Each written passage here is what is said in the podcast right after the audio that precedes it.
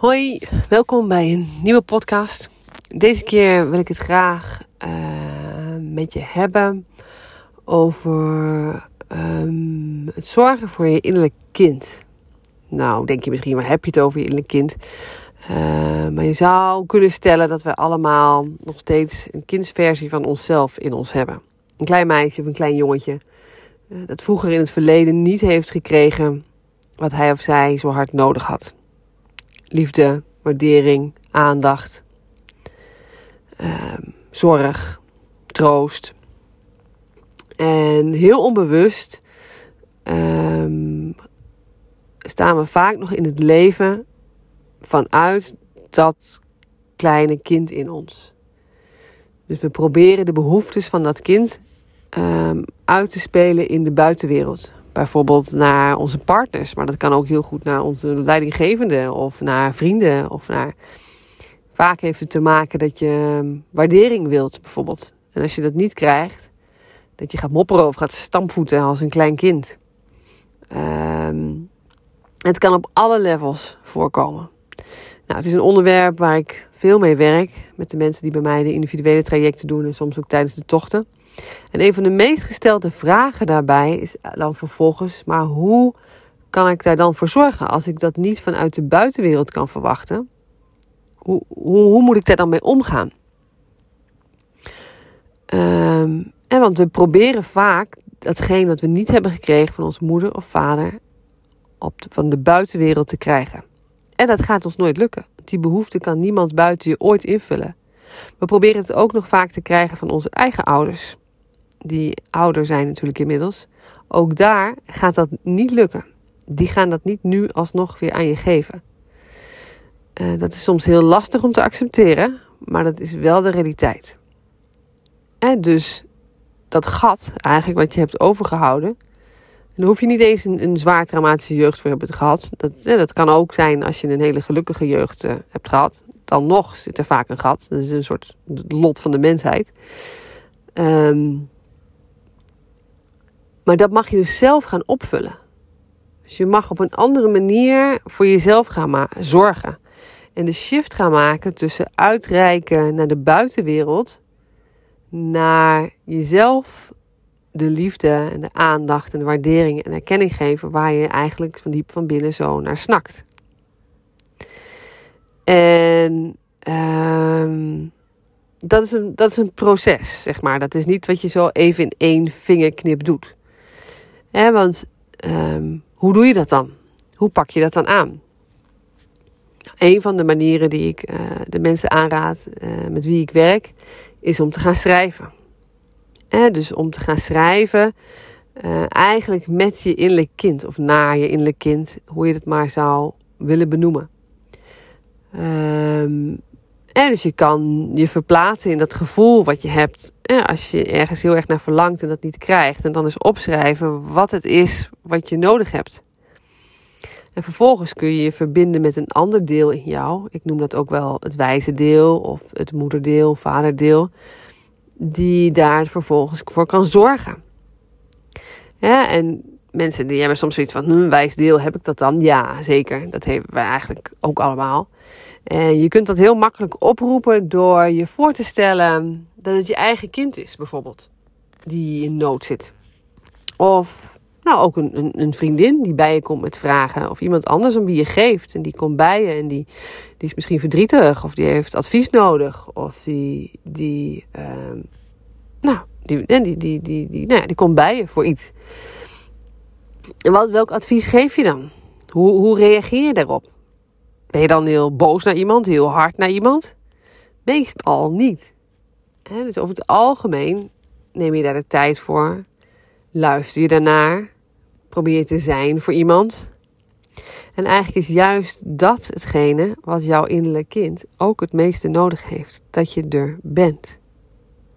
Dus dat je de tijd neemt om te gaan luisteren wat het nodig heeft. Wat het gemist heeft. Waar het pijn doet. En dus daar kan je schrijvend, kun je met jezelf als het ware een, een dialoog voeren daarin. He, dus nieuwsgierigheid naar dat stuk van jou. Want heel vaak is dit een deel wat we helemaal niet willen voelen. we zijn ons aarde niet bewust van. En, en B, dat, dat angstige gevoel dat daar vaak bij hoort, of het bange gevoel, dat willen we helemaal niet voelen. Dus dat, dat duwen we weg. Maar hoe harder je dat wegduwt, of hoe harder je het verstopt onder allemaal beschermlagen, hoe sterker het terugkomt. dus ook hier geldt weer voor, um, wens je er niet van af, maar wens je er juist naartoe. En wees nieuwsgierig naar wat deze ehm, onbekende, waarschijnlijk voor jou nog onbekende stukken, jou te vertellen hebben. En wat hebben ze nodig? Wat heb jij ten diepste nodig? Wat heeft jouw kleine meisje nodig, wat jij vroeger niet kreeg? En, en hoe kun je dat jezelf geven? Dus A, luisteren, aandacht, waardering, liefde.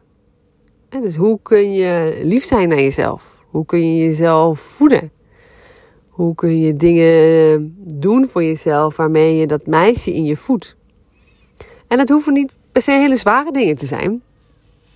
Um, ja, wat, wat doen kleine meisjes, kleine jongetjes? je kan ook gaan tekenen. Of iets anders met je handen gaan doen wat, wat ze fijn vonden. Je kan, uh, nou, ik noemde schrijven, maar je kan ook naar buiten gaan, gaan buiten spelen. Je kan dat ook met je eigen kinderen gaan doen als je kinderen hebt en gewoon eens met ze meespelen. of of met, met vrienden gewoon eens gek doen. Gewoon met je blote voeten in het plas stampen.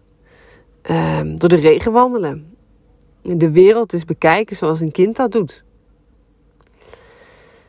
Dus je zo op verschillende manieren verplaatsen in het kind. En vanuit je innerlijke wijsheid, je innerlijke moeder, daarvoor gaan zorgen. Dus je hoeft dit niet buiten je te zoeken. Je hebt dit al in jou. Alleen het is tijd om dat te gaan ontdekken.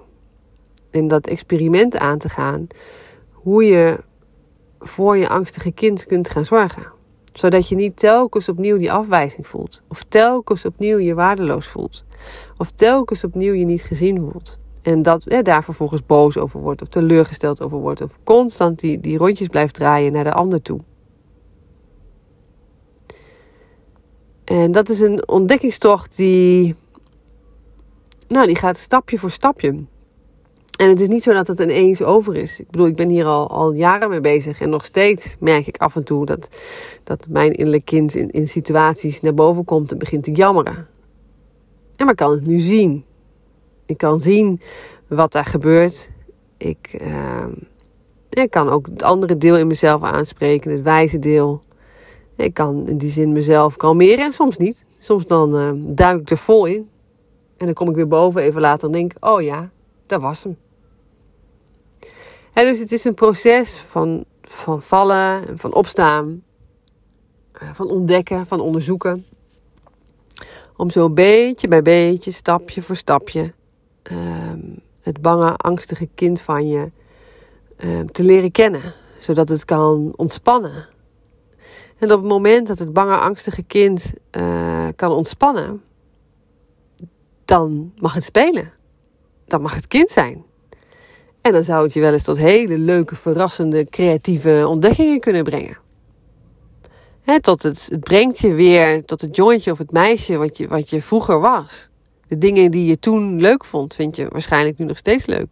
Dus het brengt je dichter bij je, bij je talenten, dichter bij je authenticiteit. En het kan zijn dat ook het rebelse kind mee gaat doen.